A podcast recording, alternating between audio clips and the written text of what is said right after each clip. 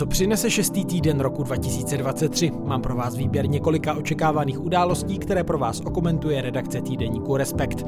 Zpráva o stavu Unie Joe Bidena, možný odchod Andreje Babiše z poslanecké sněmovny, summit Evropské unie. We are witnessing history tonight, breaking the record for the most Grammy wins of all time. Ale nabídnu také ohlédnutí za cenami Grammy. Podnětný poslech vám přeje ještě pán Sedláček.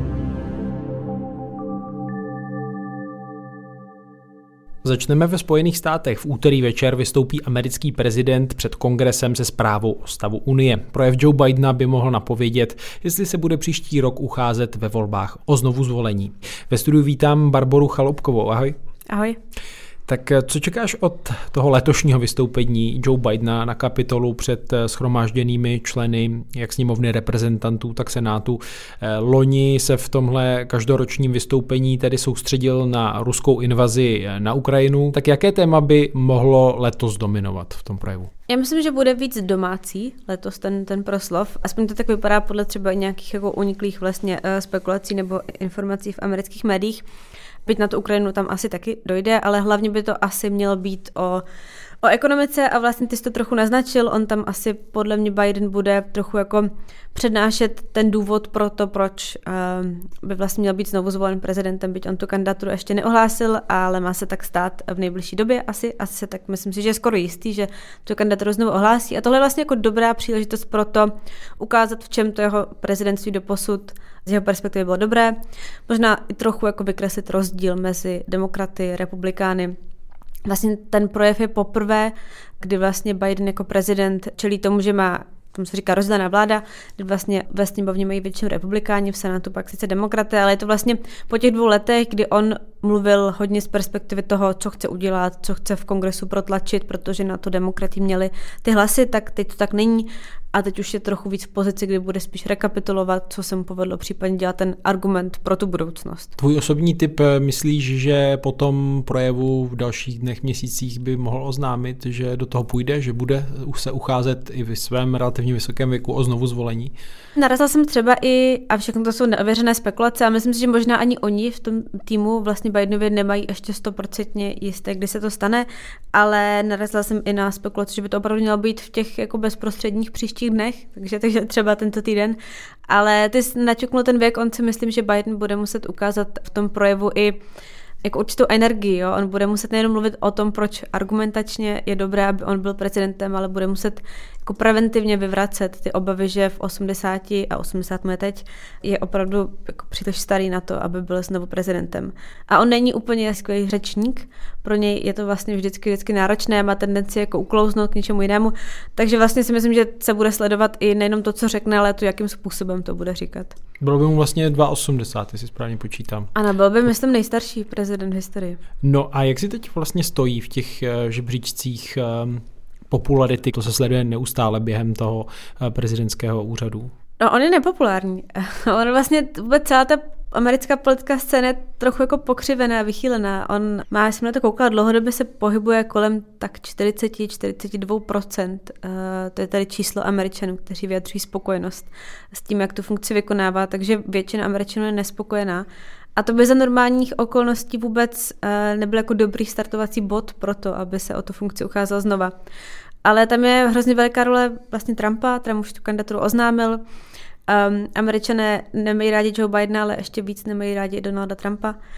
A, a zároveň poslední volby vlastně nedopadly tak špatně, jak se očekává. Republikáni vyhráli, ale vlastně mnohem menším, v mnohem menším stylu, než by normálně za takových třeba jako složitých ekonomických okolností a vlastně složité ekonomické situace, tak normálně by se čekalo, že demokraté eh, prohrají mnohem víc a to se nestalo a to vlastně jak fungovala jako taková vzpruha pro Bidena.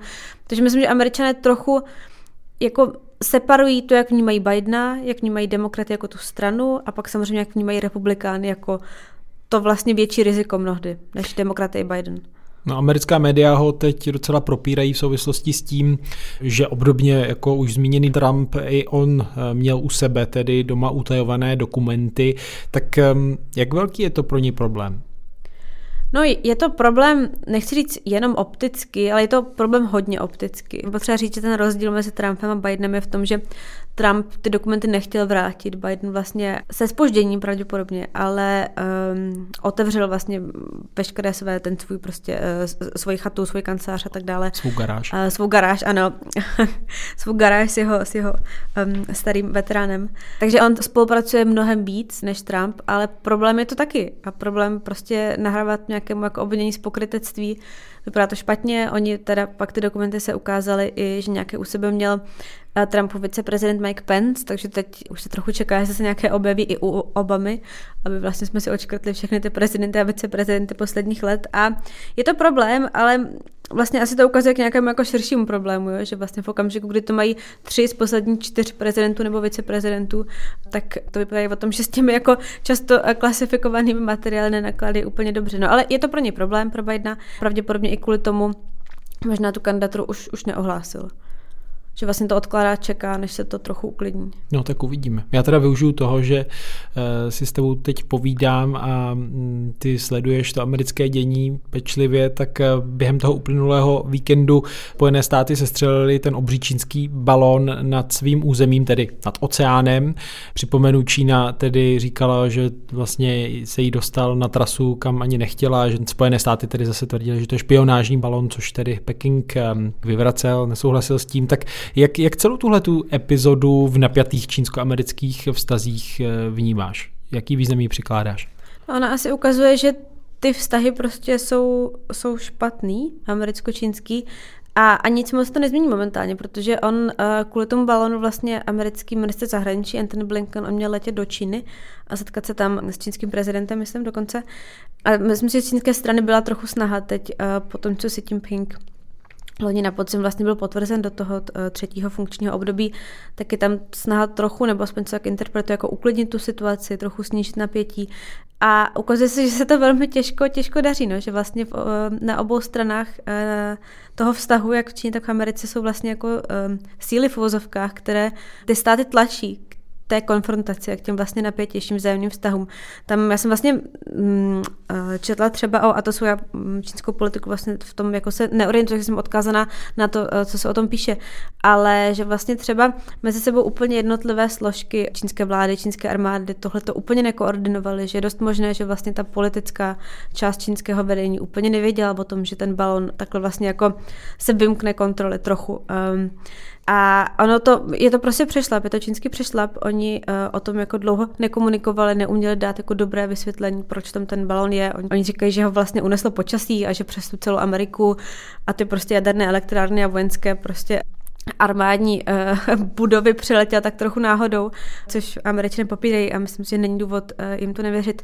Oni ten balon sestřelili, ty trosky dopadly někde do moře u, u Jižní Karolíny, myslím, v Atlantiku, takže on opravdu přeletěl celou Ameriku.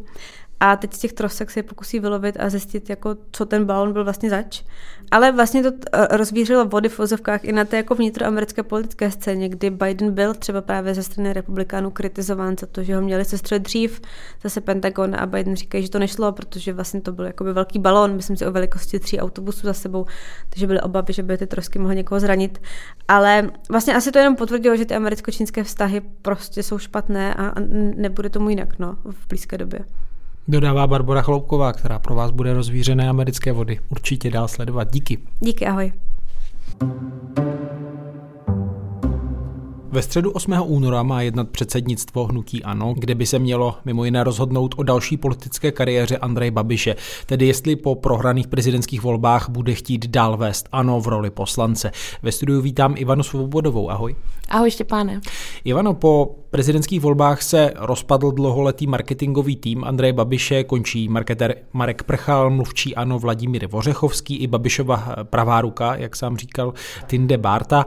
Jak to souvisí s víceméně neúspěšnou předvolební kampaní? Víš něco bližšího o tom, jak si to interně zhodnotili? Jenom úplně na začátek řeknu, že Tinde Barta sice končí a my nevíme, co bude dál, ale kon, jako ukončila tu spolupráci v té roli, které, ve které byla teď, taková jako šéf, šéfka toho týmu ale podle všeho asi u Andreje Babiše bude zůstat v nějaké podobě dál. A to, co se teď děje, samozřejmě docela určitě je přímá reakce na ty volby, které prostě byly pro Andreje Babiše neúspěšné. To, co můžeme čekat od té středy, podle všeho, co víme, tak Andrej Babiš, on je totiž poslanec, toho si málo kdo všiml, protože Andrej Babiš do té sněmovny uh, vlastně nechodí, ale byl zvolen normálně na kandidáce jako lídr do poslanecké sněmovny a tam to zcela pevnou rukou vede Alena Šilerová v roli šéfové toho poslaneckého klubu.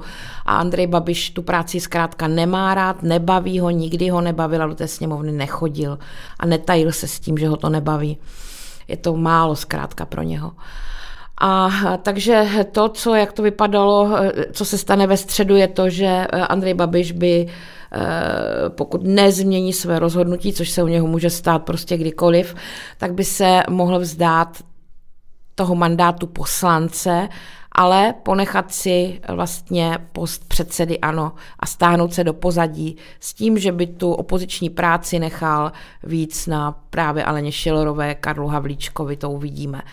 A právě to rozpuštění marketingového týmu on už je vlastně nebude potřebovat. Takhle si to zhodnotil, rozešel se s ním, protože on se chce skutečně, pokud dodrží to, co chtěl minulý týden a něco se nezmění do středy, tak ta úvaha byla taková, že on se stahuje v podstatě z očí, nebude potřebovat tiskového mluvčího vlastního, nebude potřebovat sítě, nebude potřebovat vlastní Instagram, tu svou vlastní propagaci, co by hlavy hnutí ANO a hlavy opozice, anebo případně kandidáta na prezidenta. Šlo o, o propagaci Andreje Babiše, že jo? ať už teď v těch volbách nebo v těch obdobích předtím. A když se chce někdo stahovat, tak už takovou podporu nepotřebuje a tím pádem tam v celém tom hnutí zůstává mluvčí hnutí Ano Martin Vodička, který nebyl navázán na Andreje Babiše, byl to skutečně mluvčí té strany a ten tam zůstává. Čili prostě Andrej Babiš s, tím, s těm svým spolupracovníkům eh, sdělil, že už je dál nebude potřebovat. Čili to vzešlo od ní, to víme. Ano. Ale oni na to byli teda připraveni, oni sami už delší dobu, pokud vím, váhali, jestli zůstávat do Andreje Babiše a byli na to úplně nachystaní. Myslím, že nikdo z nich nebyl ani překvapen, ani nějak že by, že by to pro něho znamenalo nějakou novou životní situaci, kterou si dřív nepromýšlel, že může nastat.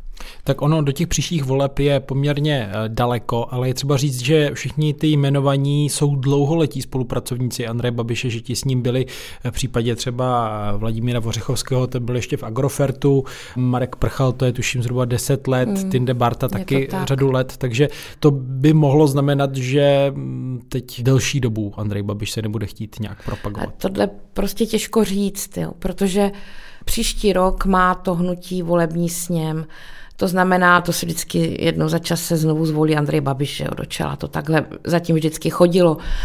A on, eh, vlastně Andrej Babiš teď dostává jako krásný oddychový čas, pokud eh, ho bude chtít využít, kdy může z dálky pozorovat, jak to jde Aleně Šilerové, Karlovi Havlíčkovi a tak dále. Moc se do toho nezapojovat, skutečně si užít jako nějaký klid od toho a e, mezi tím se může rozhodnout a za rok může na tom, na tom volebním sněmu, který mají, se nechat vlastně znovu zvolit, což by znamenalo, že do toho jde plně na novo. A nebo, a nebo taky se nevrátí, to nevíme. A e, zdá se té funkce a bude zvolen někdo jiný. Ale tohle to si myslím teď nedoufá odhadnout ani Andrej Babiš, na to, že kdokoliv jiný. Teoreticky by se teda mohl vrátit a přijít s nějakým příběhem, že, že je tady znovu Andrej Babiš trochu jiný, očištěný od eh, těch minulých spolupracovníků, kteří mu dělali ty kampaně a chce to dělat trochu nějak jinak v reakci na to, jaká bude poptávka mezi voliči. No tak buď, anebo jim zavolat se vrátí, že? A nevím, kdo z nich se vrátí, ale prostě tady jsou ty možnosti jako všechny otevřené. Když se ještě podíváme na tu kampaň před prezidentskými volbami, tak ta byla hodně negativně laděná, zbuzovala emoce, museli dokonce některé věci měnit, byť říkali, že ty billboardy byly jenom na čas, že to nestahovali, tak prostě strašili, zbuzovali negativní emoce, tak kde hledat původ té kampani? Bylo to zadání přímo Andreje Babiše, nebo to opravdu byly nápady, které přišly z toho marketingového týmu od lidí, které teď tedy nechává Andrej Babiš za sebou, se kterými přestává spolupracovat? No, Andrej Babiš to nebyl, ten to vykonával, ale nebyli to ani tihleti lidé. Samozřejmě byli jako jako jasně Vladimír Vořechovský nebo Marek Prchal byli u celé té kampaně. Podíleli se na to nějakou, nějakým způsobem. Ale eh, zkrátka, když člověk eh, pozoroval ten marketingový tým Andreje Babiše od začátku, od chvíle, kdy on vstoupil do politiky, tak to vypadá, jako by se tam něco proměnilo, jako kdyby oni se vyměnili, jo? nebo jako kdyby to byl najednou někdo jiný. Ano, já vím, oni reagují na nějakou, na nějakou společenskou poptávku, na nějakou situaci, to je jasný, ale třeba ta kampaň v roce 2017, kterou dělali, a to teda bylo ještě v původním složení, tady k těm lidem, tam byl ještě Marek Hanč, byla tam Lucie Kubovičová, já jsem tehdy tu kampaň s nimi objížděla a myslím, že jako mm, odborník na kampaně by jako smeknul, kdyby to viděl. Jo. To byl skutečně nový typ kampaně, čerstva, eh, podpořili ty stránky Andreje Babiše, které mu můžou pomoct. Já neříkám, že je to skvělý pro společnost, ale jako pro tu kampaň. Jo. Podpořili ty stránky, které mu můžou pomoct. Ta první kniha, kterou Marek Prchal napsal tehdy, o čem s ním a tak dále, to by prostě podepsal jako půlka společnosti ty nápady, které v ní jsou. Nebylo to vlastně žádné zlo, jo. A byli to prostě normálně takový hodně aktivní a chytří profíci. A ta kampaň byla prostě dělaná, myslím, že by mohl Andrej Babišovi kdokoliv závidět. No. A pak odešla Lucie Kubovičová, časem tam začala mít vliv Tinde Barta, což je teda člověk, který mu Andrej Babiš nesmírně, nesmírně uh, důvěřuje ale ta zase zkrátka nerozumí marketingu. A myslím, že tam začala mít čím dál větší slovo, jak jsem to pozorovala. A teď už zvlášť. Vlastně se ta kritika na ty lidi, kteří odchází, ať je Vladimír Vořechovský nebo Marek Prchal, že se na ně snáší trošku jako, ne, že nespravedlivě, oni samozřejmě se mohli sebrat a jít pryč, ale to, jak se říká, že to jsou hlavní strujci kampaně, to tak rozhodně není. E, vím, že dokonce nějaké ještě nápady, které byly ještě ostřejší než ten hnus, který jsme viděli v ulicích a který jsme slyšeli Andreje Babiše říkat, že, že tam ještě tlumili, aby ty dopady na tu společnost nebyly zkrátka ještě, ještě horší. No a samozřejmě tím skutečným strujcem nebo tím strategem, tím hlavním mozkem kampaně je někdo, koho oni nechtějí ukázat. My víme, že je to nějak firma Petra Topinky, který s nimi spolupracoval kdysi, nebo už jako historicky ale ona se jako skrývá, takže my jako vlastně nevidíme toho člověka, co to vymyslel. Na druhou stranu v tom týmu to nemuseli vzít, že oni o tom debatovali a někdo byl zkrátka pro stlumení těch vášní, no a někdo ne. A ti, co byli pro to stlumení vášní, tak myslím, teď odcházejí. Pojďme ještě tedy eh, k samotnému eh, ano.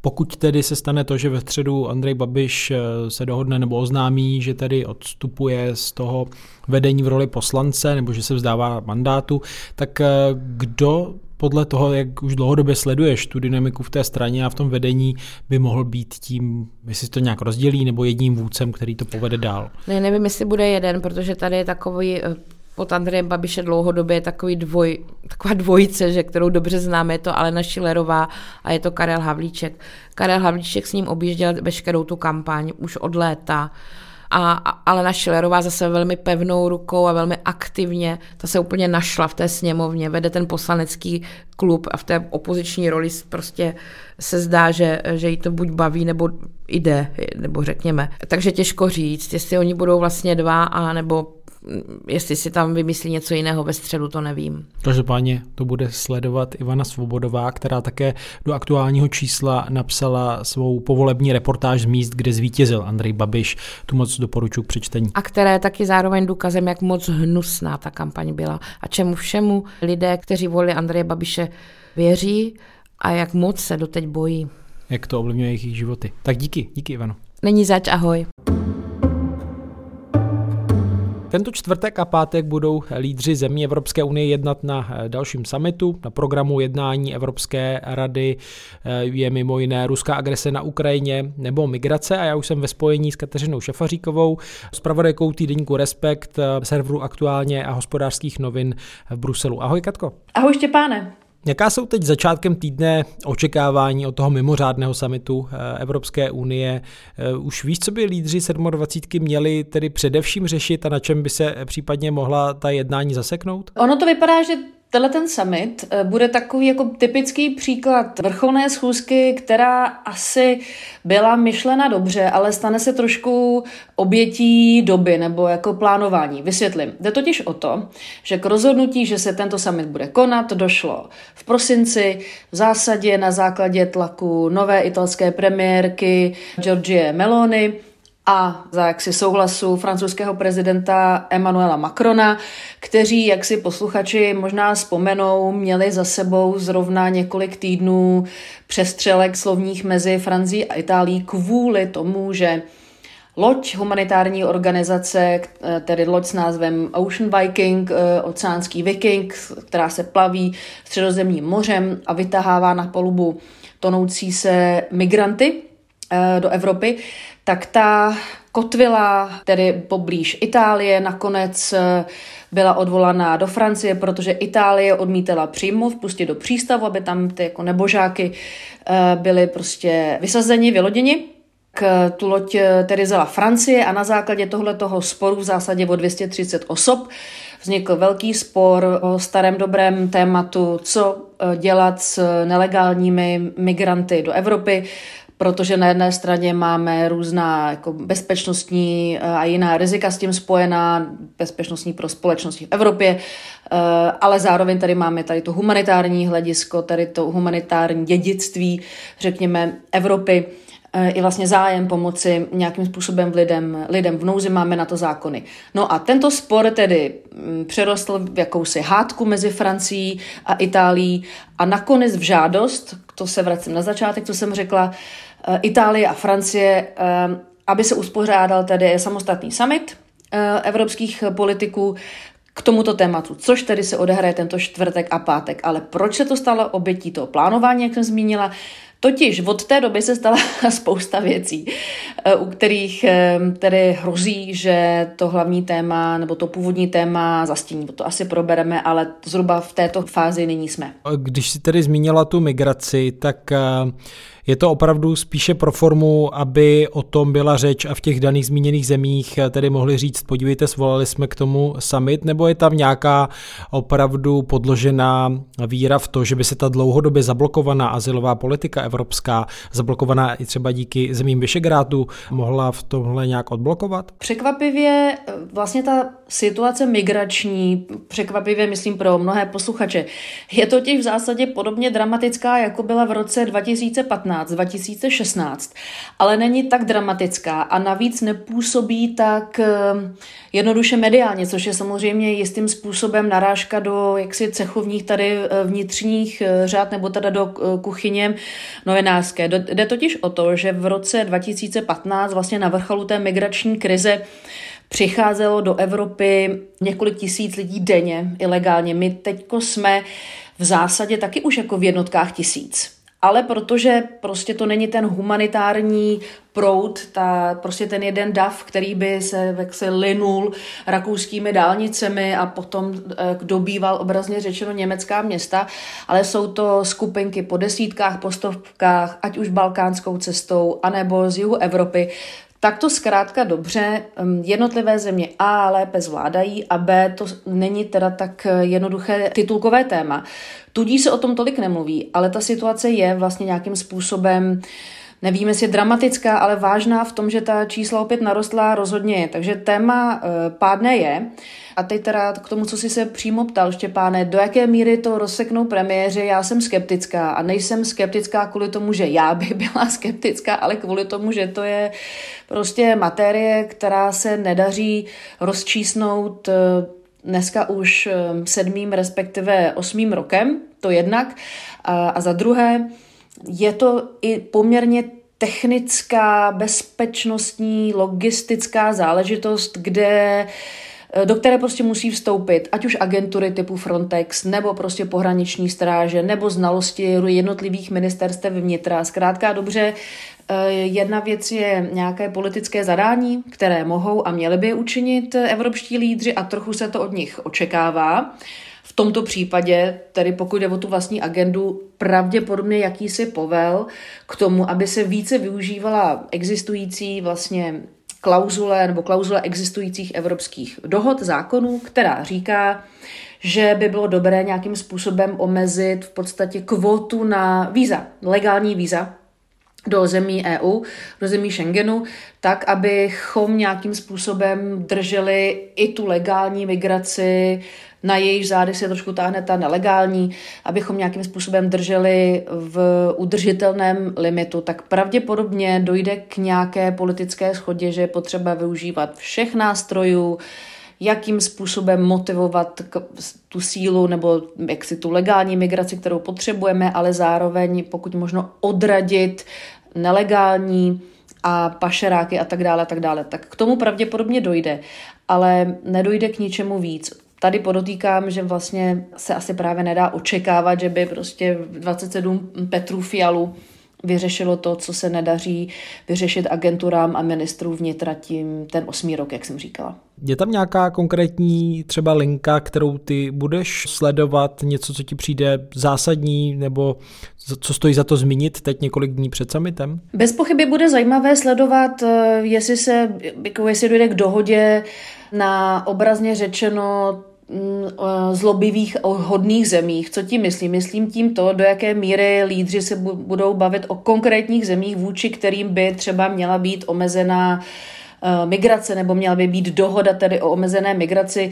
Je to samozřejmě zajímavé, politicky citlivé, protože do toho budou vstupovat ekonomické zájmy jednotlivých zemí, protože pakliže, teď dám příklad samozřejmě, pakliže by došlo nějakým způsobem k omezení legální mm, jaksi vízové kvóty z Burundi do zemí EU, tak pro Českou republiku to pravděpodobně není nijak zajímavé, protože ten vzájemný obchod je minimální, eh, nebo vzájemná tedy migrace je minimální, ale samozřejmě v případě zemí, jako je Belgie a tak dále, tak to zajímavé eh, být může. Tak to, to je jedna rovina. No a druhá rovina, to jsem už vlastně eh, naznačila v předchozí odpovědi, myslím, že bude vlastně daleko zajímavější sledovat, co všechno za nastíní to téma migrace. A to všechno je zejména probíhající už teda několik týdnů, možná už i měsíců, debata o tom, jakým způsobem dotovat eh, evropské podniky a čisté, zelené, prostě clean technology, ta jako moderní ekonomika, tak abychom vlastně nějakým způsobem dorovnali soutěž s eh, americkými firmami a čínskými, které jsou svými vlastními vládami docela mohutně dotovány a Evropě hrozí do poměrně reálně to, že se dostane, nebo evropským firmám, že se dostane do velké nevýhody v tom konkurenčním boji a mohlo by to samozřejmě odnést eh, tisíce pracovních míst v Evropě a odchod evropských firm třeba do Ameriky, protože tam budou mít pobídky pro to, aby tam zrovna investovali, vyráběli um, zelené a, a prostě čisté technologie, elektroauta, baterky do elektroaut a tak dále. Ostatně ten odchod už několika firm se děje. Tohle je jako vážné téma, protože právě zatím jsou um, prostě ztracená pracovní místa a tím pádem nějakým způsobem rozhýbaná politická realita těch jednotlivých členských státech. A předpokládá se, že tohle bude téma rozhodně kuluárové dost možná i při těch eh, jaksi otevřených debatách v plénu na summitu a já teda budu sledovat eh, jak tu nohu migrace, tak právě to, do jaké míry tato ekonomická debata to migrační téma zastíní. Vysvětluje Kateřina Šafaříková, eh, co podstatného by se mohlo řešit na nadcházejícím summitu Evropské unie tento týden. Katko, moc krát děkuju a držím palce. Já děkuji za pozvání Štěpáne a zdravím do Prahy. Závěrem jedno hudební ohlédnutí a sice za cenami Grammy a novým albem Sama Smise. V titulcích médií o 65. ročníku cen Grammy dominuje jméno zpěvačky Beyoncé, která proměnila 4 z 9 nominací a pokořila dosavadní rekord. Na kontě má 32 sošek Grammy, což je tedy nejvíc v historii.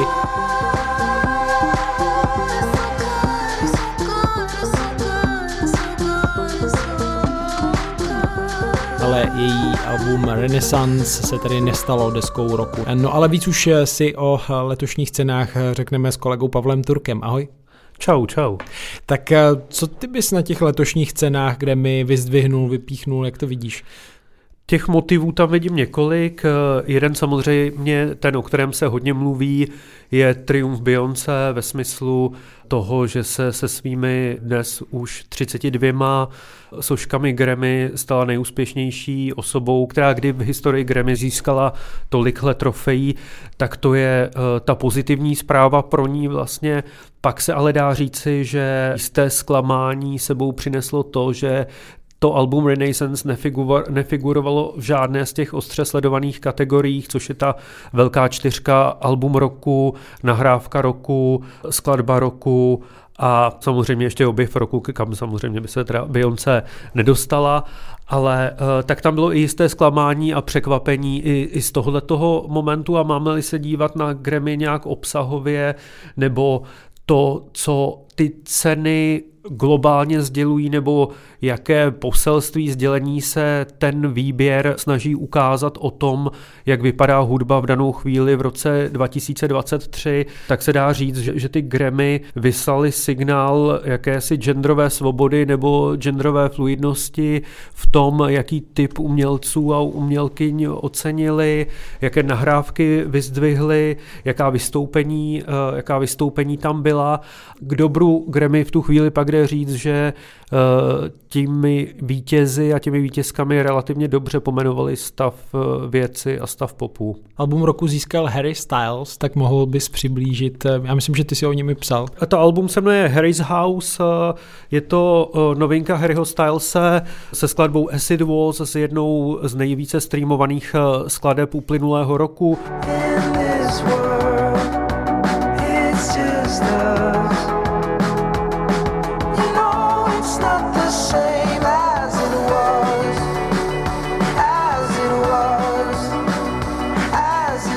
Styles taky v rámci uh, ceremoniálu zahrál.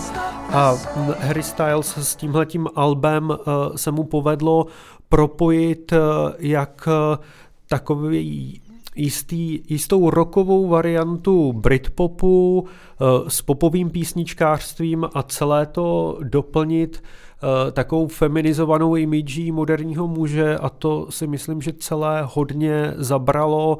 Bylo to znát i na pražském vyprodaném koncertu, který on odehrál eh, začátkem července a eh, to album je samozřejmě Eh, oceňováno jak kritiky, tak publikem, ale stejně bylo překvapení, že nevyhrála Beyoncé. V tom sále byl znát i takový jako jistý šum a rozhladění ve chvíli, kdy Harry Styles šel eh, na pódiu, ale nutno to k tomu dodat, že z Grammy se už tak nějak posledních 15 let pojí to, že chtějí si dodat nějaký punc art popu či e, něčeho takového, nebo jakýchsi vyšších hodnot v popu, tak e, většinou ta porota šahá po britských umělcích a umělkyních a vlastně jsme to viděli, nebo sledovali jsme to v poslední dekádě žní, kterou zahájila Amy Winehouse a její retro písničkářství. Pokračovalo to přes e, úspěchy i písničkářky a zpěvačky Adele a vlastně, když se vrátím i k tématu aktuálního respektu, kde píšu o nebinárním zpěvákovi, zpěvačce Sam Smith, tak i debitové album z roku 2014 sklízelo velký úspěch na Grammy, takže Grammy v těch posledních 15 letech opravdu hodně trpí na britské umělce a umělkyně a nechávají tu americkou produkci respektive schovávají si ji spíš do těch vedlejších kategorií. Hudba, celé to hudební odvětví se, se mění spolu s, s dalšími trendy ve společnosti, ale ty sošky gramofonů tady zůstávají. Tak jaké místo za tebe teď Grammy eh, mezi hudebními hmm. cenami v celém tom průmyslu po těch 65 letech eh, mají? Je to, je to stále potvrzení té nejvyšší kvality v hudbě? Nebo? Myslím si, že Grammy zažívají relativně dobré časy, ale je to dáno souběhem několika eh, společensko-biznisových klíčových faktorů. Eh, když se na to podíváme z hlediska nějaké relevance, tak myslím si, že to nejhorší období si ta cena prožila v 90. a v 0. letech, kdy eh, tím svým konzervativním zaměřením nedokázala reagovat jak řekněme na začátku na 90. 90. let na zmach kytarové hudby, alternativního roku a grunge a tam nedokázala chytit vlastně mladou generaci posluchačstva. Stejně tak v nultých letech nedokázala ta cena moc dobře pružně reagovat na vlnu indie roku, která byla taky poměrně silná, také poměrně komerčně úspěšná, na vlnu elektronické hudby, která taky byla celku výrazná a ty ceny byly velmi konzervativní. Dneska se dá říct, že ty ceny drží do velké míry prst na tepu doby, ale je to i dáno tím, že se hrozně moc proměnil pop sám o sobě a pop eh, ten, vlastně ty největší patra toho komerčního popu se v dnešní době staly hodně společensky angažované, hodně promlouvají o identitě, o, o genderu jako takovém a dotýká se pop, dá se říct v tuhle chvíli, velmi aktuálních otázek, které jsou spojeny s tím, co prožívá mladá generace, co prožívají menšiny, ať už jde o menšiny genderové nebo menšiny rasové, tak na všechny ty otázky ten pop poměrně rychle reaguje a zároveň k tomu nutno říct, že je ještě komerčně úspěšný, je mimořádně komerčně úspěšný a poslouchá se. Takže Grammy to nemá zas až tak těžké nasát z toho tu relevanci pro sebe, jakožto pro přenos a pro ceremoniál, protože v tom popu se vlastně odehrávají velmi zajímavé, velmi aktuální procesy a, a můžeme tam vidět i to, jak se společnost proměňuje. Takže tím pádem Grammy na téhleté úrovni vyhrávají ale má to ještě svoji negativní stránku, že nikdy v historii stalo se to i s příchodem pandemie, nebyla ta sledovanost tak mizerná, jako je v posledních ročnících. Od roku, myslím si, že absolutní dno bylo v roce 2020 nebo v roce 2021, kdy ta sledovanost spadla pod 9 milionů diváků a ta čísla z loňského roku zaznamenala jistou stoupající tendenci, ale nevím, jaká bude letos, nevím, jaká ta čísla byly letos, takže abych tu na, tu krát, na tu otázku odpověděl v krátkosti. Z mého pohledu to, co Grammy pomenovávají, pojmenovávají dobře, ale to B je, že to v tuhle chvíli sleduje čím dál tím méně lidí, možná to ale sleduje čím dál tím méně lidí v té televizi, v tom klasickém vysílání a pro nějaký online prostředí to pořád nějakou relevanci má. S tou proměnou popu souvisí i tvůj článek v aktuálním čísle Respektu, který věnuješ samu Smithovi a novému albu Gloria. Ten článek najdete pod titulkem Milovat se víc. Taky doporučuji k přečtení. Jestli jsem to pochopil správně, tak ty ho vnímáš jako jeden právě ze symbolů takového obratu k sebelásce v pop music. Tak co Smith sám ověnčený tedy cenami Grammy i Oscarem za titulní píseň Bondovky nabízí? na té nové desce. To album je obratem k pozitivnímu přístupu k životu a euforii, protože zpěvák, zpěvačka Sam Smith na těch předchozích albech prezentoval takovou jako smutnou polohu popu z perspektivy opuštěného člověka. A tady najednou se objevují na té novince Gloria skladby, které pojednávají o sebe přijetí a ostatně sebe přijetí je do velké míry i tématem love songů z poslední doby, z 20. let. Jedná se o sebepřijetí eh, ve smyslu jak body image, tak eh, genderové identity. Ostatně dobrým příkladem by eh, třeba mohla být zpěvačka Lizo, která vyhrála tu jednu z hlavních kategorií nahrávku roku About Them Time. Beyoncé sama také zpívá uh, tak, takové jako empowering uh, hymny, kde uh, není tak důležité uh, pomenovat lásku k protějšku, ale uh, akceptovat sebe sama v nějaké jednakosti, odlišnosti od, uh, od norem. A to je vlastně vidět i na kategorii Best Pop Duo performance eh, jakožto eh, nejlepší popová eh, skladba, nahrávka roku v dů. And the Grammy goes to Unholy, Sam Smith and Kim Petras.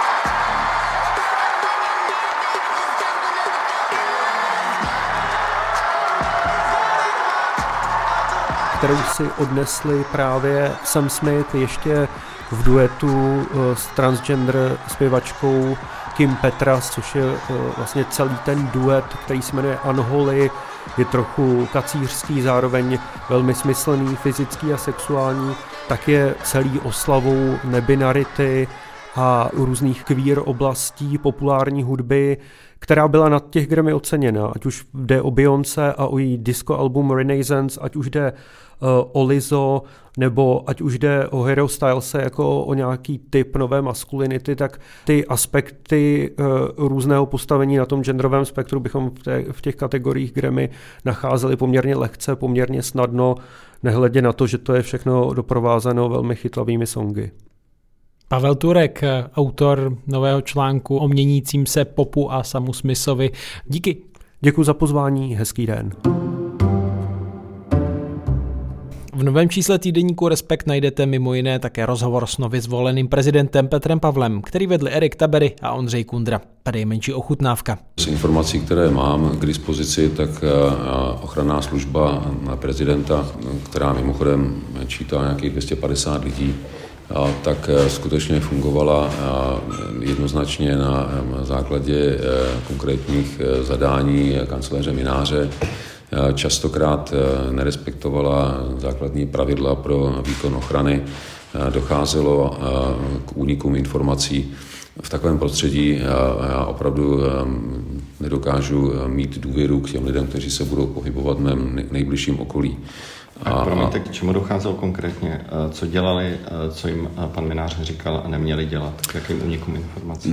No, únik informací do médií z okolí prezidenta, ale kromě toho, takové flagrantní porušení veškerých pravidel je, že na hradě teď funguje soukromá bezpečnostní agentura, která má přístup téměř neomezený ke všemu a nepodléhá policejní kontrole. Jak se jmenuje ta agentura?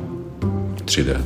A kdo ji tam uh, objednal? Uh, kdo to, se musíte, tam přivedl? To se musíte zeptat pana Mináře, já jsem ji tam, já jsem ji tam neobjednával. A to bylo z dnešního podcastu vše. Naslyšenou si těší Štěpán Sedláček.